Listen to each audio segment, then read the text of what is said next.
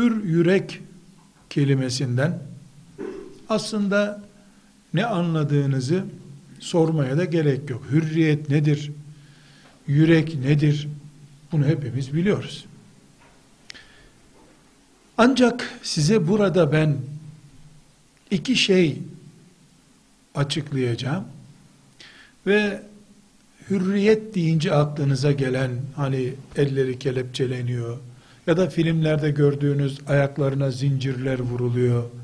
Sonra geliyor bir Türk kahraman onu kurtarıyor. Zincirleri eliyle koparıyor filan. O zincir kopması çok kolay zincirdir. Ama biz burada başka bir hürriyetten ve sizde görmek istediğimiz bambaşka bir yürekten söz edeceğiz. Asıl hürriyetten söz edeceğiz inşallah. Sevgili gençler, Allah bizi insan olarak, insanlar içinde de müminler olarak, inşallah müminler içinde de ümmetine adanmış insanlar olarak yarattı. Bunu Allah'tan niyaz ediyoruz. Bakın tekrar ediyorum. Allah'ın mahlukatı içinde insanız. Elhamdülillah. Birinci üstünlüğümüz. İnsanlar arasında iman edenlerdeniz. İkinci üstünlüğümüz. İman edenler arasında da ümmetinin önderi olmak için uğraşanlardanız. Sıradan insan değiliz, sıradan Müslüman değiliz. Önder olmak istiyoruz. Dünyada bulunduğumuz 30, 40, 50 sene için yaşamak istemiyoruz. Bizim bedenlerimizin bulunmadığı zamanlarda yaşamak istiyoruz. Anneleriniz, babalarınız, büyük ihtimalle çevreniz, akrabalarınız, sizin bu gencecik sakalınızın henüz bitmediği, yüzünüzde tüy olmayan günlerinizi sayıyorlar. Oğlum için şunu yaptım, kızım için şunu yaptım diyen anne baba, işte size ev kurmayı, iş bulmayı, sizin cebinizin harçlık görmesini, sağlığınızın yerinde olmasını düşünüyor. Ben ise size burada bu bedenlerinizin bu dünyada bulunmadığı günlerde Sultan Fatih gibi, Selahaddin gibi, Üsameler, Enesler gibi ümmetinin onurlu isimleri olarak anılacağınız günleri konuşuyorum. Sıradan olmayışımız, farklı, önder oluşumuz buradan kaynaklanıyor. Sevgili gençler, Allah bizi farklı yarattı ama Ebu Cehil'de de bulunan Ebu Leheb'de de bulunan bütün insan karakterlerini bizim içimize de koydu. Siz de ben de bütün müminler de Ebu Cehil'in midesi gibi mide taşıyoruz. Onun gözleri gibi gözümüz var. Onun cinsel ihtiyaçları gibi cinsel ihtiyaçlarımız var. O yani Ebu Cehil'in uyku düşkünlüğü gibi bizde de uyku düşkünlüğü var. Biz Müslümanız diye belki bir kısmınız hafızsınız, Kur'an hafızısınız diye hafız olduktan sonra iyi Müslüman olduktan sonra bağırsaklarınız çıkarıp sizden alınmadı ki. Siz imam hatiplisiniz diye cinsel organlarınızı okula kaydettirirken kestirdiler mi? Çocukken ki sünnet olmuş halinizle duruyorsunuz. İmam hatipli, hafız, hoca filan kimliği var diye kimsenin cinsel organını koparıp almıyorlar. Hepimiz Ebu Cehil'deki cinsel organın aynısını taşıyoruz. Ebu Leheb gibi midelerimiz var. Übey ibn Halef gibi, Bilal'i kırbaçlayan kafir gibi, biz de akşam uyumak zorundayız. Farkımız nerede peki? Ebu Cehil'de de mide vardı, bende de mide var. Ebu Leheb'te de cinsel organ vardı, İmam Hatip talebesinde de var. Übey ibn Halef de uyuyordu, bizim de yatakhanelerimiz var, bizim de yastıklarımız var, biz de uyuyoruz. Ama farkımız var. Nedir farkımız? Übey ibn Halef, uykusuyla zincirlenmiş bir kafirdi.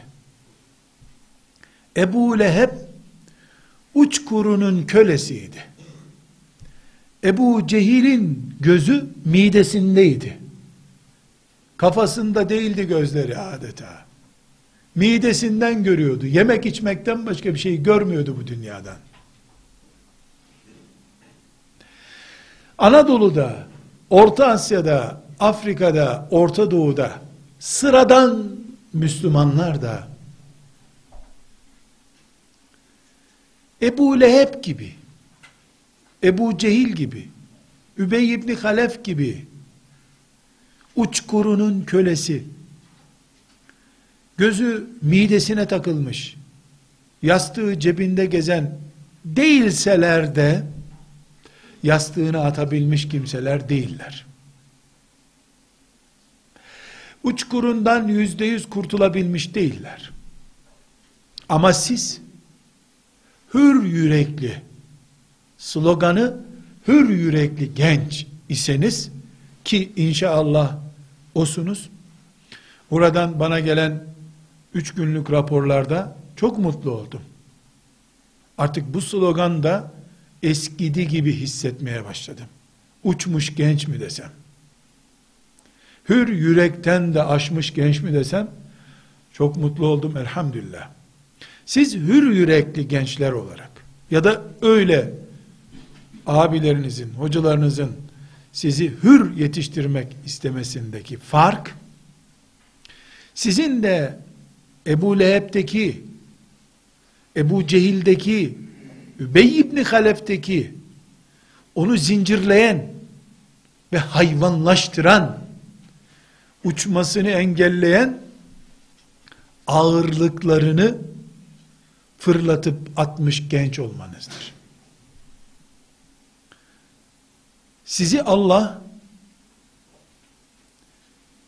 yarattığı insan mümin ve önder insan karakteriyle arşa doğru koşarken görmek istiyor.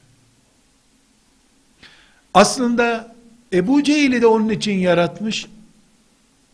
Ebu Leheb'i de bunun için yaratmıştı. Übey ibn Halef'in yaratılışında da bu incelik var. Ama Peygamber aleyhisselamın yanı başında bu inceliği anlayamadılar. Uçkurlarına cenneti feda ettiler. Mideleri uğruna arşın gölgesinde kalmayı feda ettiler. Uyumak uğruna peygamber gibi bir nimeti teptiler. Siz ise asırlar sonra geldiniz. Resulullah sallallahu aleyhi ve sellemin hayatından ve mübarek bedeninin varlığından uzak olduğumuz bir zamanda geldiniz. Ama inşallah siz bu ümmetin hür yürekli insanları olarak prangadan kurtulmuş, zincirlerinden kurtulmuş, kanatlanmış, arşa doğru henüz bu dünyada iken yürüyen gençler olacaksınız. Sevgili gençler, bu ön sözümden çok rahat anlıyorsunuz ki size üç prangadan, üç ağır zincirden kurtulduğunuz zaman hür insan olacağınızı söylemeye çalışıyorum. Dikkat edin, çok yüksek puanlar alın. Bu puanlarla işte filan yüksek yerleri kazanın gibi üç günlük şeyler bir ömür bile sürmeyecek ödüllerden söz etmiyorum size. Size toprağın altına geçtiğiniz zaman bile değerinizi artırmaya devam edecek şeylerden söz ediyorum. Üç zinciri koparıp atmanız lazım. Tam hür yürekli genç o zaman olacaksınız. Uykunuz, mideniz ve cinsel gücünüz. Şeytan bu üç noktadan sürekli sizi ezmeye çalışacak. Allah sizi bir güvercin kadar hür yarattı. Ama sonra da sizin 21. asırda Müslümanların umudu olan ve Müslümanlara çağlar devirip açacak olan gençler olup olmayacağınızı imtihan etmek için Allah sizin bir güvercin olarak yaratılmış olmanıza rağmen bir ayağınıza cinsellik bağladı. Öbür ayağınıza midenizi bağladı. Kanatlarınıza da uyku yükledi. Uç göreyim seni dedi. Ama sizden ve benden önce Enes İbni Malik de böyle taşlar bağlanmıştı ayaklarına. Zeyd bin Sabit'in de ayaklarında böyle taşlar vardı. 21 yaşında Bizans'ın karşısına dikilen Mehmet de ayağında taş vardı doğduğunda. Onu uçmayı engelleyecek ağırlıkları olan ayağındaki taşları attığını görünce melekler Bizans'ın karşısında yürekli bir Mehmet haline getirdiler onu. Herkesi Allah uyku düşkünü, mide düşkünü, cinsellik düşkünü olarak yaratıyor. Kadın erkek ayrımı yok. Müslüman gavur ayrımı yok. Türk Arap ayrımı yok. Her doğan böyle doğuyor. Ama kimi doğuştan var olan uykusunu hiçbir şekilde atmıyor. Uyuyarak bir ömür geçiriyor. Herkeste var olan mideyi kimisi sadece dolduruyor. Herkesin yaratıldığı cinsel ihtiyaç gücünü anlamadan uçkurunun peşinde bir ömür çürütüp gidiyor. Kimi de bunların hepsinin kanatlanıp uçarak arşa doğru yükselip yükselemeyeceğimi görmek için Allah bunları bana verdi deyip çözerek zincirlerini Rabbine doğru koşuyor. Siz inşallah bu 21. asrın teknoloji, iletişim ve silah çağının ve silah olarak da insanların beyinlerinin yıkanmasının en güçlü silah şeklinde kullanıldığı bu çağın gençleri olarak inşallah bundan 20 sene sonra geçmişin muhasebesini yaptığınızda sizin yaşıtınız olan emsalleri değerlendirdiğinizde göreceksiniz ki siz cinselliğinizin peşine takılmadığınız için siz cips mahluku olmadığınız için siz yastığınızı başınızın üstüne değil başınızın altına koyup uyuduğunuz için yastığınızla hayat yaşamadığınız için yani uykunun kölesi olmadığınız için arşa kadar yükselmiş bir insan olacaksınız. Geride kalanlar hala üç günlük beş kuruş etmez dünyanın peşinde sürüklenenlerin de 16 yaşındayken 17 yaşındayken uçkurlarını düşündükleri için 27 yaşında da 57 yaşında da hala aynı düşüncelerle yaşayıp gittiklerini göreceksiniz. Sevgili gençler, mümin olduğumuz için elhamdülillah İmanın şartlarını konuşmamıza gerek yok. Zaten siz imam ve bu ümmete hatip kimseler olduğunuz için size namazın şartlarını öğretmeye de gerek yok. Ama unutmayın, şeytan sizi uykudan, sizi midenizden ve sizi kablolu ya da kablosuz bir şekilde size saldığı cinsellik dalgaları içinden helak etmek isteyecek. Sizden hiçbiriniz zeka özürlü olduğu için arkadaşlarından, dava önderlerinden, Sultan Fatih'ten geri kalmayacak. Zeka özürlü değilsiniz. Hiç kimse zeka özürlü olduğunu söyleyemez burada bana. Elhamdülillah zekamız var. Bedensel engel de yok. Görüyoruz. Peki bir tanemiz asırlar öncesinin imkansızlıkları içinde Fatih olduysa biz bu kadar imkanlar içerisinde niye Fatih olamayız acaba diye soracak olursak işte bunun cevabı nedir? Kim zincirlerini çözebilirse o Allah'ın izniyle Fatih olur, o Üsame olur, o Zeyd olur, o Enes olur Allah'ın izniyle. Burada anneleriniz, babalarınız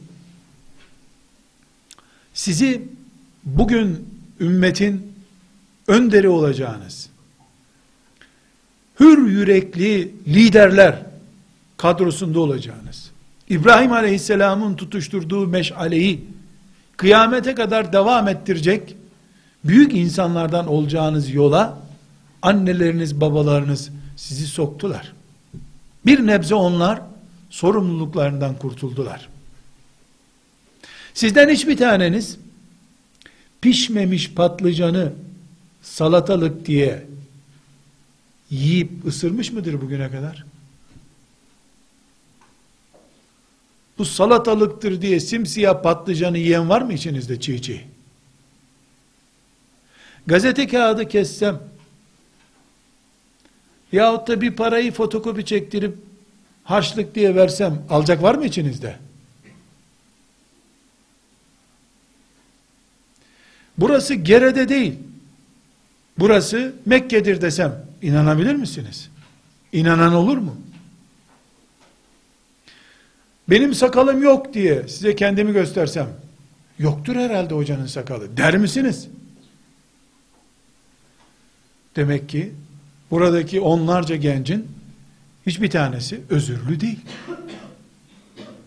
Patlıcanı salatalık diye yemediğine göre şeytanın sana internetteki tuzağına niye kandın?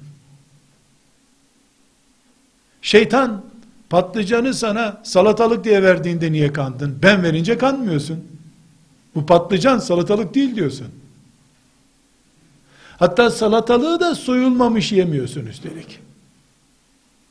O zaman mükemmel bir aklın var.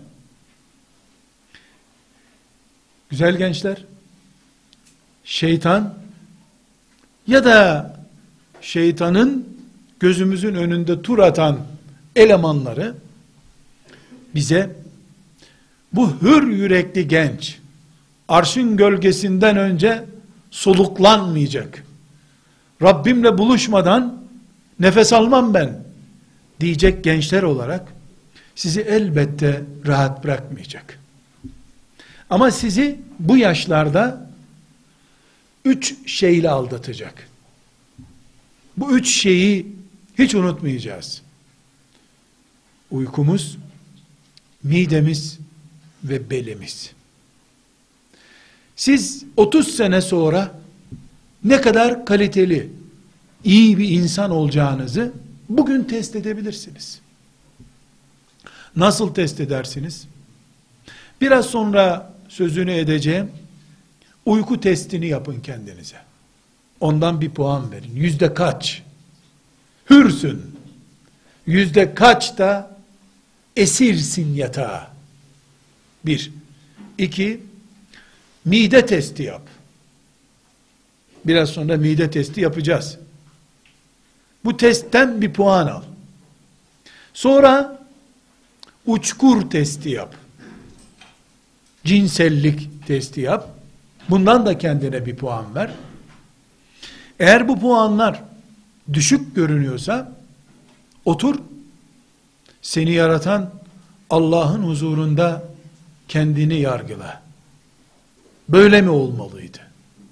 Patlıcanı salatalık diye yemiyorsun. Fotokopi parayı para diye harçlık diye almıyorsun. Ona kanmıyorsun. Şeytanın patlıcanını niye yedin? Diye otur nefis muhasebesi yap. Sevgili gençler, bizi arşa kadar soluklanmadan koşuyor görmek isteyen Rabbimiz, Allah'ımız Celle Celaluhu. Elbette bize bunun fırsatlarını da verdi. Eh burada bakın fırsat içindeyiz. Ama herkes sürü gibi koşup gelirse yarış yapmanın bir kıymeti olmayacağı için kim nefesini tıkatacak, kim tıkatmayacak? Bunu da görmek için bizi sürekli tuzağa düşürecek şeytanı da yarattı Allah. Bizi çağırdı, şeytana da kovala bunları dedi. Niye böyle yaptı? E o zaman hepimizi cennette yaratırdı böyle yapmayacak olsaydı. Niye yarıştırdı ki bizi? 10 dakikalık fırsatını 30 sene sonrası için kullananla 3 dakikalık fırsatı bile o andaki zevki için kullanan aynı sonucu elde edemeyecek tabi. Bunun için Allah önümüze pek çok engeller, pek çok yokuşlar, sıkıntılar çıkardı. Dökülenler kalsın, yürüyenler devam etsin diye. Hedef arşın gölgesinde soluklanmak. İnşallah. O zamana kadar mezarda bile durmayacak gençleriz biz. Mezarda bile çalışmaya devam edeceğiz. Hayal anlatmıyorum. Fethettiği İstanbul'da Sultan Fatih mezarında bile hala Fatihliği devam etmiyor mu? Biz öyle bir yola konduk ki Allah tarafından mezara girdiğimiz zaman bile adımız, işimiz, heyecanımız devam ediyor demektir. Gençler Sultan Fatih'in türbesini sadece ziyaret edip evine gelen bir gencin nabzını ölçün. Bakın genç ne kadar heyecanlı. Vay be! Nasıl diyor. Fatih'in yattığı harem dairesini Topkapı Sarayı'nda seyreden eline kılıç alıp Roma'ya doğru yürüyesi geliyor. Bu neyi gösteriyor? Öleli 540 sene oldu Sultan Fatih. 540 senedir mezarından sinyal gönderiyor hala. Çünkü sen 20 yaşında arşa doğru yürümek için yola çıkarsan öldükten 520 sene sonra bile senin sinyalin nesiller boyu devam eder. Ama Allah muhakkak dökülenle dökülmeyeni ayrıt edecek. Madem ki siz Türk çocukları olarak İstanbul'da yaratıldınız, hepiniz 80 puanla çıkın yola bakalım demiyor. Hepimiz Ebu Leheb'in yaratıldığı gibi yaratıldık. Yaratıldığımızda Ebu Leheb'le aynı puandaydık. Ebu Leheb bir yaşındayken kaç şans puanı taşıyorduysa biz de bir yaşındayken o puanı taşıyorduk. Ama Ebu Leheb eksi trilyon puanla geberdi gitti bu dünyadan. Biz inşallah 20 yaşına gelmeden artı trilyon puanlarla Rabbimize doğru yürüyoruz. Farkımız burada. Biri enerjisini tüketip gitti. Biz enerjimizi güçlendirerek devam ediyoruz. Devam etmemiz gerekiyor. Sevgili gençler, hür yürekli gencin nerede durduğunu, nerede durması gerektiğini anlatmaya çalışıyorum. Ama size bugün burada hür yürekli genci, arştan önce soluklanmayacak genci, yolda Ebu Bekir Sıddık'la bile karşılaşsa, oturup onunla çay içmeye vakti olmayan genci, yola giderken Resulullah'ı bile görse, sallallahu aleyhi ve sellem, belki elini, ayaklarını binlerce kere öpüp, sen dur ya Resulallah, ben arş yolundan geri kalmayayım diyecek kadar, arşa ulaşmadan, arşın gölgesindeki gölgelenmeyi kendisine şeref olarak, paye olarak yapıştırmadan, oturmayacak olan gençler olarak, üç şeyi kontrol altına alacağız. Başka türlü bu konuştuklarımız laf olur. Boş laf olur.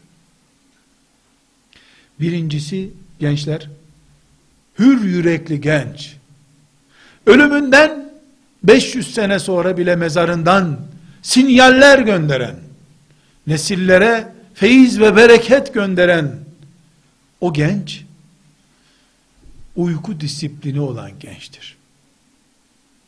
O zaman başlık açıyoruz. Hür yüreklilik kanunu. Bir, uykun disiplinli olacak. Ne demek uykun disiplinli olacak? Kanun, uyku kanunu. Yaşın 60'ı buluncaya kadar 7 saatten fazla uyumayacaksın. Ameliyat olduğun zaman, trafik kazası geçirip hastanede yoğun bakımda olduğun zaman 8-9 saat uyuyabilirsin. Bunun dışında deprem olsa, dünya yıkılsa sen 7 saat üzerine kalkmış olacaksın. 5,5 saatten az da uyumayacaksın. Performansın düşer. 5,5 saatle 7 saat arasında bir uykun olacak. Uyku kanunu madde 2. Aynı saatte yatıp aynı saatte kalkacaksın. 7 saat mi uyuyorsun? 11 6, 11 6. Devlet saati ileri alsa, geri alsa, yana çekse, sola çekse sen gene 11 6. Namaz için kalkacaksın. 7 saati tamamlayacaksın. Çünkü şeytanın en büyük prangası üç prangadan birisi uykudur dedik. Uyku da uyuma artık diyerek kimseye saldırdığı bir silah değil. Düzensiz hale getirerek uykusuz bırakar. En büyük düzensizlik istikrarsız uyutmasıdır. Bir 11'de yatırır, bir 1'de yatırır, bir 9'da yatırır. Gençler,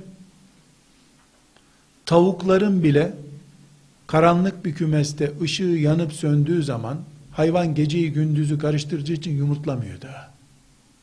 Çünkü tavuk sabah güneşiyle yumurtlamaya alıştırılmış, yaratılmış bir hayvandır. Karanlık bir yerde tut, gece yarısı lambayı yak, yumurtluyor hayvan sabah oldu zannediyor.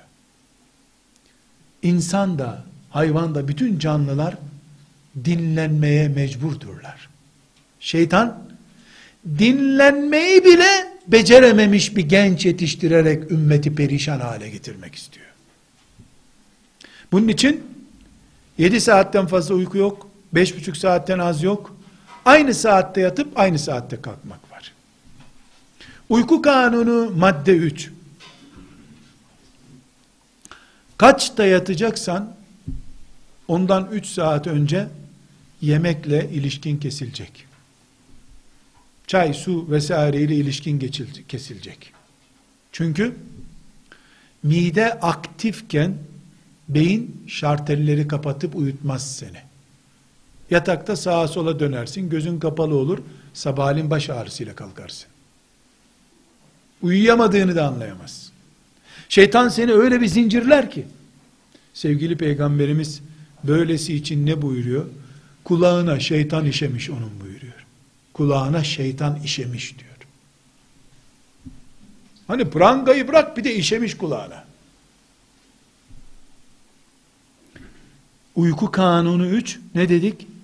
İyi uyku için midenin aktif olmaması lazım. Mide 2 saatte 3 saat arasında işini bitirip şarteli kapatıyor.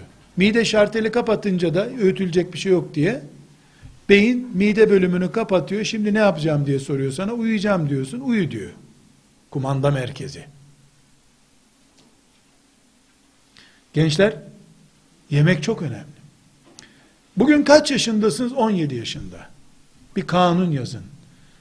17 yaşından beri, mesela 60 yaşında hatıratınızı yazdığınızda, 17 yaşından beri, elhamdülillah 35 sene geçti, o günden beri hala patates, pirinç, ekmek, gazoz gibi hazmı zor olan şeyleri yemiş değilim.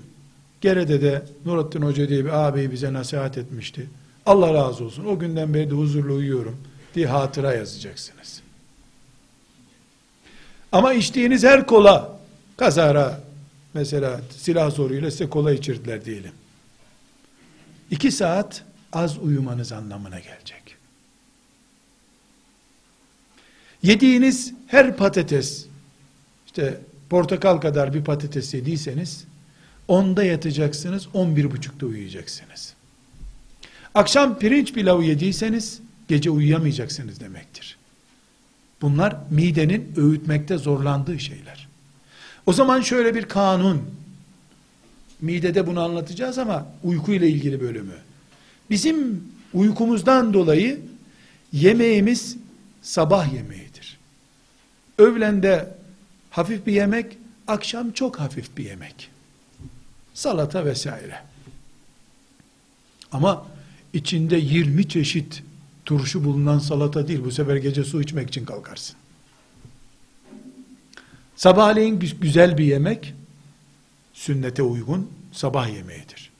Öğlende orta halli bir yemek, akşam çok hafif bir yemek. Bu uyku için ideal. Gençler, uykunun bir de ince ayarı var. Bedeninize göre bir yatakta uyuyacaksınız. Mesela kalın ince yastık ayarını yapmalısınız. Temiz havası bulunan bir odada uyumaya çalışın. Neden? Çünkü 7 saat uyuyup kalkmak için yatmayacaksınız siz. 7 saat dinlenip kalkmak için yatacaksınız. Biz uyumak için yatak odasına gitmeyiz. Hür yürekliyiz uyku bizi esir eder korkusuyla biz dinlenmek için yatarız. Dinlenmek için yatmanın da kanunları bunlar. Ve gençler, babalarınızdan, annelerinizden duymanız gereken küçük bir nasihat, ayıp mayıp ama ben size gene söylemiş olayım. Yatmadan önce de çişini yapman lazım.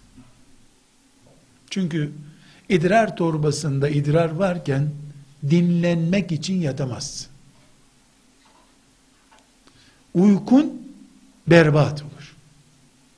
Gece kalktın mı tuvalete zaten uyku gitti. Kalkmayıp yatakta sağa sola rütüş yapmaya çalıştın mı gene uyku gitti. Uyumak şu demektir. Yatağa giriyorsun 10 dakika sonra telefon da çalsa duymuyorsun. Gitmiş öbür aleme. Sabah namazına bir saat kala da çivi gibi kalkıyorsun. Böyle uyuyuncaya kadar bu kuralları yerine getiriyoruz. Gençler dedik ki Allah bizi kanatlandırıp gel kulum gel İbrahim'in devamı Enesler 21. teknoloji çağının üsamesi gel dedi Allah ama hakikaten sen gelip gelmeyeceğini ölçmek için rüzgara kapılıp mı geldin sen rüzgarlar oluşturup mu geldin? Ölçmek için ayağına da taşlar bağladı. Bu birinci taş neydi? Uyku taşı. İkinci taşımız ne? Midemiz. Gençler, hür yürekli genç, mide standartlarını belirlemiş gençtir. Sevgili Peygamberimiz sallallahu aleyhi ve sellem, meşhur duyduğunuz bir hadisinde ne diyor? Adem oğlunun, biz Adem'in çocuklarıyız değil mi? Adem oğlunun midesi kadar büyük bir belası yoktur diyor. Halbuki biz hep Siyonizmi bela olarak biliyoruz. O dış iklimin belası. İç dünyamızda en büyük bela midedir. Sonra ne buyuruyor?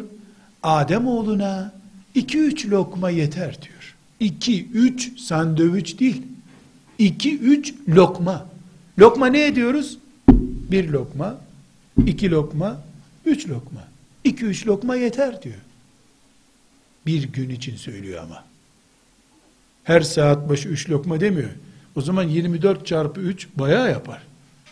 Yani 72 lokma yapar. O da iki tepsi böreğe tekabül eder zannediyorum.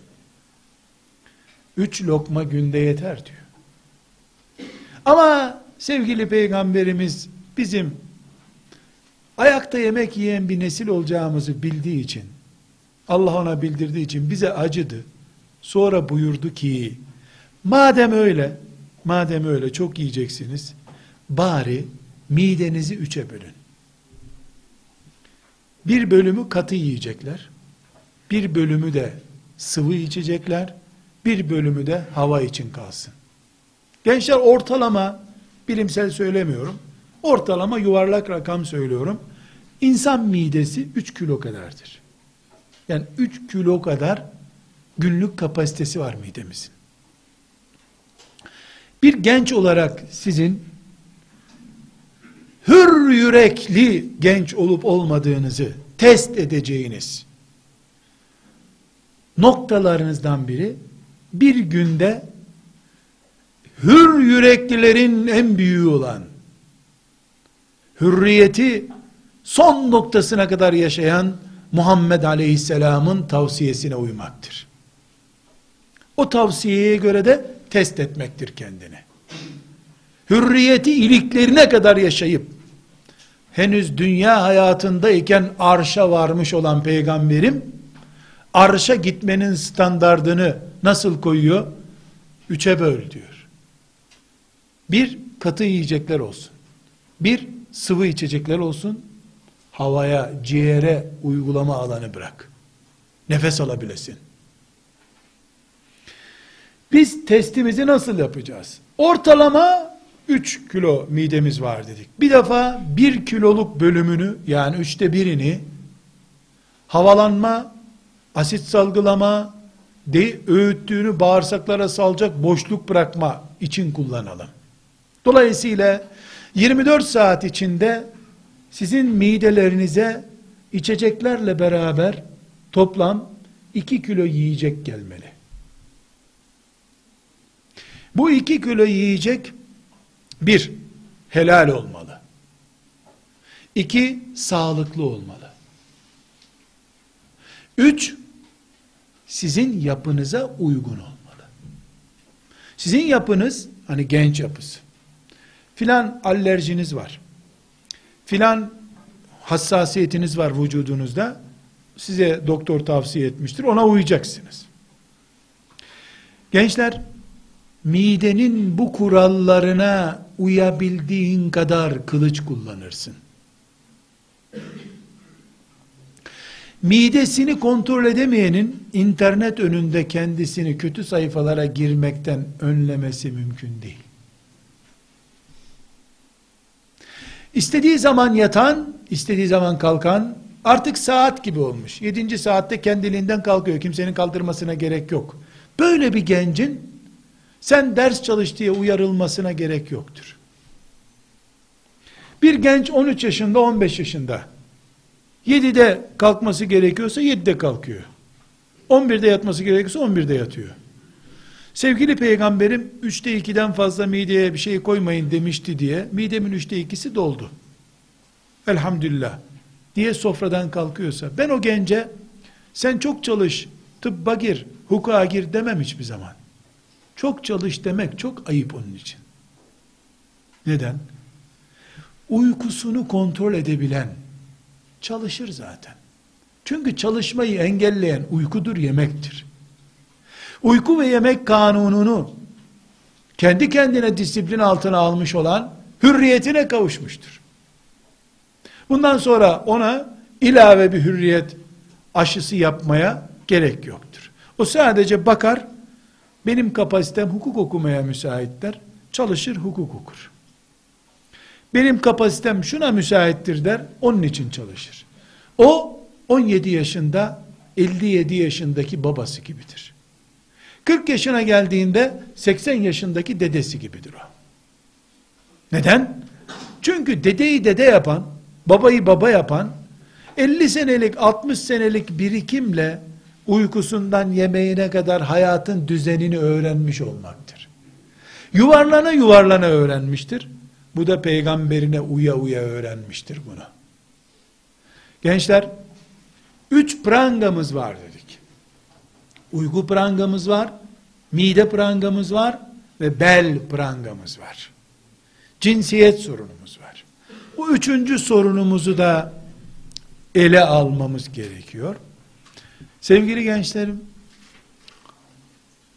cinsiyet sorunundan yani erkeğin kızı sevmesi, kızın erkeği sevmesi sorunundan. Siz peygamber olarak da yaratılsaydınız, ayrıcalıklı tutulmayacaktınız. İnsanlığın efendisi, peygamberlerin bir numarası, değil mi sevgili peygamber aleyhisselam efendimiz? Cinsellik sorunundan muaf tutuldu mu? Ben peygamberim ne edeceğim ki evlenip dedi mi? Hayır. Biricik sahabileri, Allah için can veren sahabileri, şehit olmak için yaşadıkları bu dünyada, lan karıyı ne edelim biz dediler mi? Yoksa şehit olmak için cihada gittikleri gece hanımlarıyla beraber miydiler? İkincisi değil mi? Siz kim olursanız olun, hür yürekli veya delik yürekli, hangi yürek taşırsanız taşıyın, cinselliğiniz olacak. Çünkü insansınız. Sizi Allah neyle imtihan edecek? İyi Müslüman olduğunuzu neyle görecek Allah? Herkes cuma namazı kılıyor zaten. Ramazanda gavurlar bile oruç tutuyor neredeyse. Hacca da ömürde beş gün gidiyorsun. Onunla mı ölçecek Allah?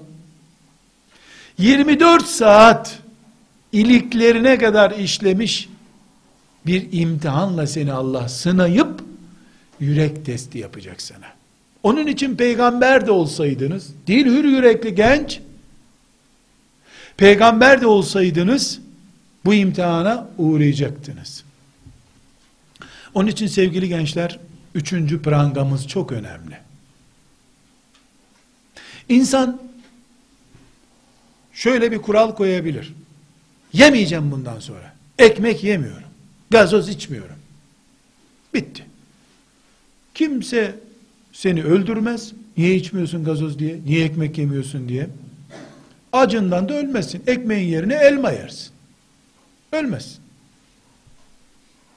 Ama bir gün şehrin meydanına çıkıp ey dünya duyun bundan sonra ben cinselliğim yok diyorum. Hiçbir kızdan etkilenmiyorum. Çıkın kızlar karşıma diye bir delilik yapsan sadece meşhur olursun. Sapığın biri böyle bağırdı burada diye. Çünkü Adem aleyhisselam yaratıldığından beri hiçbir insan çıkıp etkilenmiyorum la bu kızlardan diyemedi. Diyen yalan söyledi. Peygamberler bile bunu söylemediler. Sevgili gençlerim, içinizde hafızlar var. Onlar Kur'an ayetine baksınlar. Ne diyor Allah? Senden önce de peygamberler gönderdik. Ve cealna lehum ezvacen. Ve hepsine eşler verdik. 124 bin peygamberden söz ediyoruz değil mi? 124 bin peygamberden konuşurken Allah karıları vardı diyor. Onlardan iyi Müslüman olmak mümkün değil. Onlardan iyi ahlaklı olmak mümkün değil. Çıkıp onlar ey millet ben peygamberim kadınlarda gözüm yok. İstemem kadınlar onlar benim cici kızlarım hep demedi. Kim derse bunu atıyor kafadan. Ben gökten geldim. Yarın göklere gideceğim demek kadar sapıklık bu. O zaman sizin en büyük pranganız ekmeği reddedebiliyorsunuz ama onu reddedemiyorsunuz dediğimiz şeydir cinselliğinizdir. Şimdi bir de şu var. İnsanlar zannediyorlar ki ben daha çocuk bu be. Ağzı süt kokuyor diyorlar. Elbette ağzı süt kokar insanı. Sabahleyin süt içersen ağzın süt kokar. Gençler, eski zamanlarda yazılmış kitaplarımızda 13-14 yaşlarındaki çocukların ağzının süt kokmadığı yazılıyordu. Ama ben şimdi 8 yaşında çocuklar görüyorum. Hangi kızla evleneceğini, düğününü nasıl yapacağını kararlaştırmış. Demek ki eski kitaplar eskide kaldı. Ortalama bir şey söylüyorum. 10 yaşından 130 yaşına kadar 100 yaşına kadar demiyorum. 130 yaşına kadar herkes cinsellik prangası ile yaşar. Kadınlarda bu rakam 10 yaşından 60 yaşına kadardır. Bilemedin 70 yaşına kadar. Erkekler 100 yaşında da olsa iyi erkektir sen merak etme. Felçli adam arabanın altında kolu kopmuş hiç zarar yok. Hatta başka bir şeysi kopsa bile kafası gene öyledir. Kafası öyledir onun. Neden? Allah öyle yaratmış. Kanun böyle. O zaman birinci, hani bu üçüncü pranganın birinci kanununu anlattım. Bunu hayatın gerçeği olarak kabul edeceksin. İmam Hatip'e devam ediyorsun. Hür yürekli genç kadrosundasın. Sosyal dokunun aktif gençlerindensin. Nurattin Hoca'dan daha çok dinine hizmet ediyorsun inşallah. Hiçbiri bunların senin üçüncü pranga olan cinsellik prangasından muaf olduğunu, melek olduğunu göstermez. Bu açıdan kimse melek olamaz bu dünyada. Hatta ben size söyleyeyim kimse duymasın. Siz de duymayın benden. Eğer imam hatipliysen 100 puan daha tehlikelisin. Hafızsan 500 puan daha tehlikelisin. Ben hür yürekli genç olacağım. Bu zamanın Yasir'i olacağım. Bu zamanın Sümeyye'si olacağım diye yemin ettiysen bin puan daha tehlikelisin. Neden? Çünkü bir odun sokağa konduğunda gece bunu çalabilir mi? Hırsız çalar. Sobayı atıp yakmak için çalar. Yüzde kaç ihtimal? Yüzde beş. Odun dolu sokaklar zaten. Bir demir sokağa atıldığında bunu çalma ihtimali var mı hırsızın? Var tabi. Çünkü bir kilo demir beş lira ediyor. Alıp kurdacıya satar. Bir kilo altın sokağa konduğunda bunun çalma ihtimali var mı? Çalınma ihtimali? Eee herhalde. E bir kilo mücevher, koca bir yüzük taşı sokakta unutulsa, onu kaş göz arasında, sokağa bırakmasan da çalıyorlar zaten. Sıradan insanların cinsellik sorunu var. 100 puan. İmam hatiplisin, sen ümmeti Muhammed'in önüne geçme ihtimalin var. Bine çıktı risk. Salmaz seni şeytan. Bir de hafız oldun. Oo, uyuz ettin şeytanı sen. Sen hafızsın. Bastığın yer melek kaynıyor ve seni rahat bırakacak şeytan. Sen zinaya bulaştın mı? Şeytan mutluluktan çıldırır o gün.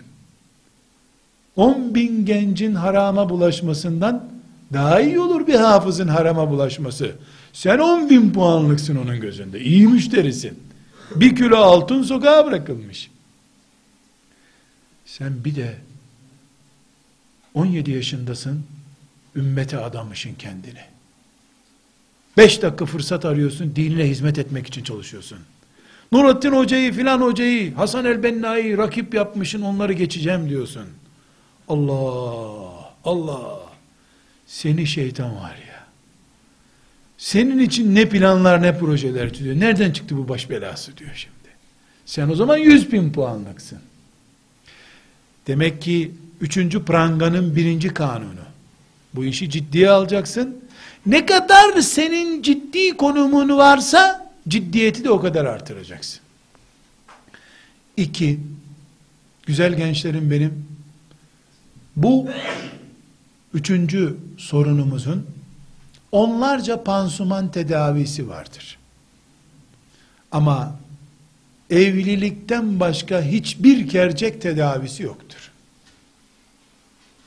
Onun için 14 yaşında da olsanız, 28 yaşında da olsanız kendinizi evlilik adayı görün. Tabi 14 yaşında gidip baba beni evlendir 7-8 çocuğum olsun deyip güldürme milleti. Lan daha harçlığı bizden alıyorsun, sabah namazına kalkamıyorsun, evleneceksin karıdan dayak yiyeceksin der, gülerler sana. Ama kendini önünde evlilik olan birisi gör ki, şeytan seni umutsuzluk aşısıyla aşılayıp harama sürmesin. Askerlik, iş, aş, milletvekili olduktan sonra bir daha evleneceğiz dersen, e 15 sene aç kalmaktansa biraz haramlara bak der sana. Önün evlilik diye kendini serbest bir alanda tutarsan, biraz daha sabretmen kolay olur. Evliliği uzak ihtimal görmeyin, çocuk oyuncağı da görmeyin. Daha tüyüm bitmemiş. Konuşunca kız sesi gibi ince sesin çıkıyor da beni evlendirin dersen komik olur bu. Evlenmiyorum şimdi ama evlilik adayım. Her an evlenebilirim. Ve gençler üç nolu prangamız olan cinsiyet prangasının üçüncü kanunu. İnşallah İnşallah kirlenmeden yaşayacağız. Evlilik bir çare dedik ama şimdi analar babalar toplum internetle ahlakı bozulmuş, içi çürümüş olan bu toplum gençlerin henüz bozulmadığını söylüyorlar evlendirmemek için. Daha çocuk o bir şey olmadı diyor. Yani evlenmesi için daha bir haram işlemedi, zina yapmadı diyor. Şöyle bir kural var mı sevgili gençlerim? Sen 18 yaşını doldurdun niye ehliyet almıyorsun, araba kullanıyorsun dediğimde henüz kaza yapmadım ki. Diyor mu insanlar? Ehliyeti kaza yapmak için mi alıyor insanlar? Kaza yapmamak için mi? Kaza yaptıktan sonra zaten hapse gireceğin için ehliyet almana gerek yok ki daha. Hapishanede ne yapacaksın ehliyeti? Evlilik kazasız belasız cennete gitmek içindir.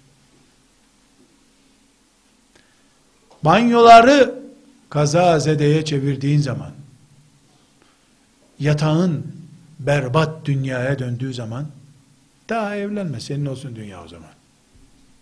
Sen öldükten sonra ehliyeti ne yapacaksın? Diplomayı ne yapacaksın? Evliliğin vaktini doğal hale getireceksiniz.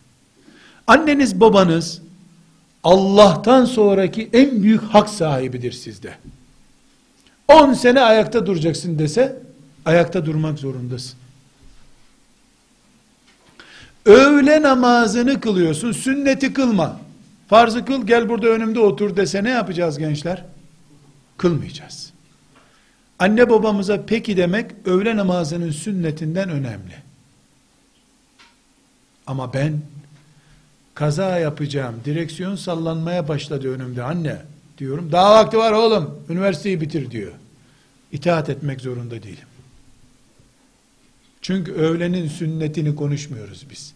Namus konuşuyoruz. İffet konuşuyoruz. Aksi takdirde ben tonlarca yük ayaklarıma bağlandığı için uçamayacağım. Arşa kadar değil, mahalledeki camiye kadar bile yürüyemem ben. Allah'ın en büyük haramlarından birine doğru gittiğimi söylüyorum. Annem babam bunu anlamıyorsa, onlar durduğu yerde dururlar. Bir vakfa giderim, bir hocama giderim, bu konuda babam ol derim, bana sahip çık derim.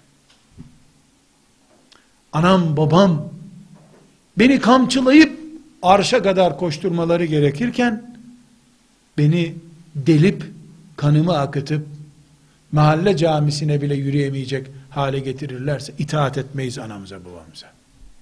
Ama ikinci maddede ne dedim? Çocukluk da yapmam. Rüştümü ispat ederim. Daha sen çorba içerken üstüne döküyorsun yarısını.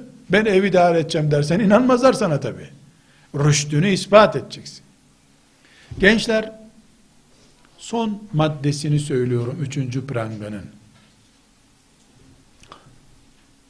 Bu konuştuğum her şeyi silin süpürün üçüncü maddede prangadan üçüncüsünde silin süpürün şunu yazın. Belki Rus ruleti oynanabilir canla. Rus ruleti biliyor musunuz nasıl oynanıyor? E, gittiniz mi Rusya'ya nereden biliyorsunuz? Ha, kültürler insanı uzaktan da etkiliyor demek. Rus ruleti benim bildiğimi söyleyeyim bakalım sizle aynı mı biliyorum. Yani mesela altı mermili bir toplu tabancaya bir mermi konuyor. Tak tak tak. Yüzde kaç ihtimal ölümün? Yüzde yirmi mesela. Ama ilk seansta da ölebiliyorsun değil mi? Caiz mi böyle bir şey yapmak? Hayır. Ölümle oynamak yok bizde. Bunu Müslüman ruleti yapsalar gene caiz değil. Gençler, Rus ruletinde yaşama ihtimali olabilir ama bir gencin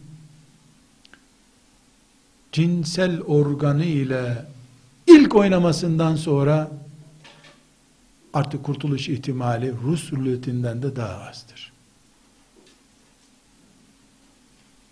Bir keresi yoktur bu oyuncağın. Kızlar içinde, erkekler içinde.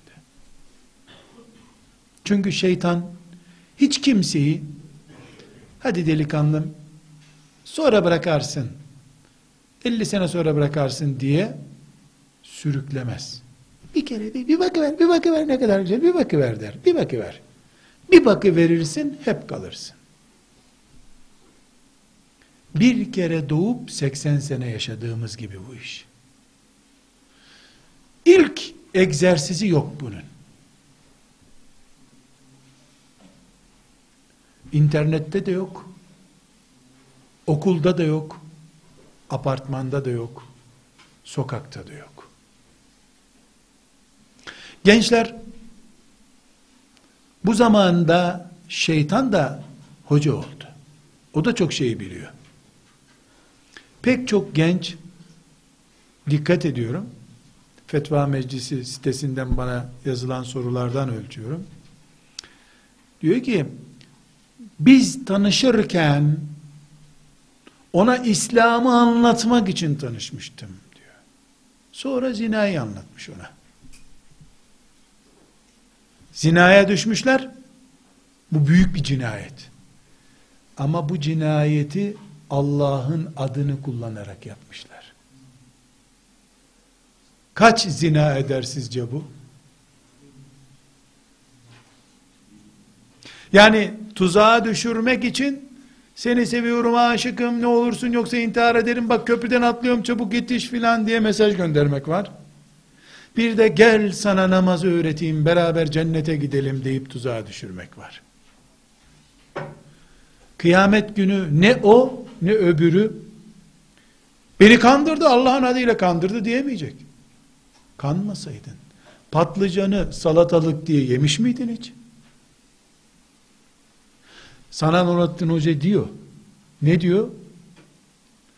Bunun şakası yok, dini yok. Onun için bireysel anlamda kendi kendine veya karşı cinsle bir arada işlenen bütün cinsellik hataları bir kere yapılır zaten. İnsanın gözü bir kere çıkar. Çıktıktan sonra bir daha yerine koyup öbür gün bir daha çıkarmıyorlar onu. Göz bir kere çıkıyor. Herkesin namusu, iffeti bir kere onundur. Ondan sonra senin değildir. Sevgili gençler, Allah bizi arşında bekliyor. Orada gölgelendirecek. Ben adım soyadımdan daha iyi biliyorum ki, kıyamet günü, sahabilik konumu hariç, siz Enes İbni Malik'ten çok daha iyi bir yerde konaklattırılacaksınız. Enes İbni Malik, Cebrail'in oturup kalktığı Medine sokaklarının çocuğu. Siz, ceplerimize kadar fuhşun girdiği bir dünyanın çocuklarısınız. Siz, sokakta, aç ölen Somalilerin bulduğu bir ekmek gibi değerlisiniz. Enes İbni Malik de İstanbul sokaklarında ekmeklerin çöpe atıldığı bir yerde bulunmuş bir ekmek gibidir. Herkes Enes'ti o zaman zaten. Medine'de Enes'ten başka çocuk yoktu ki. Doğan Enes olarak doğuyordu. Şimdi gençler, çocuklar annesinin rahmindeyken aşı yapılmaya başlanıyor onlara ve ne aşılandıkları belli değil. Birleşmiş Milletler bir şey aşılattırıyor bize devamlı. Çiçekti, biberdi bir şeyler aşılattırıyorlar bize. Aşımız doğmadan giriyor kollarımızdan.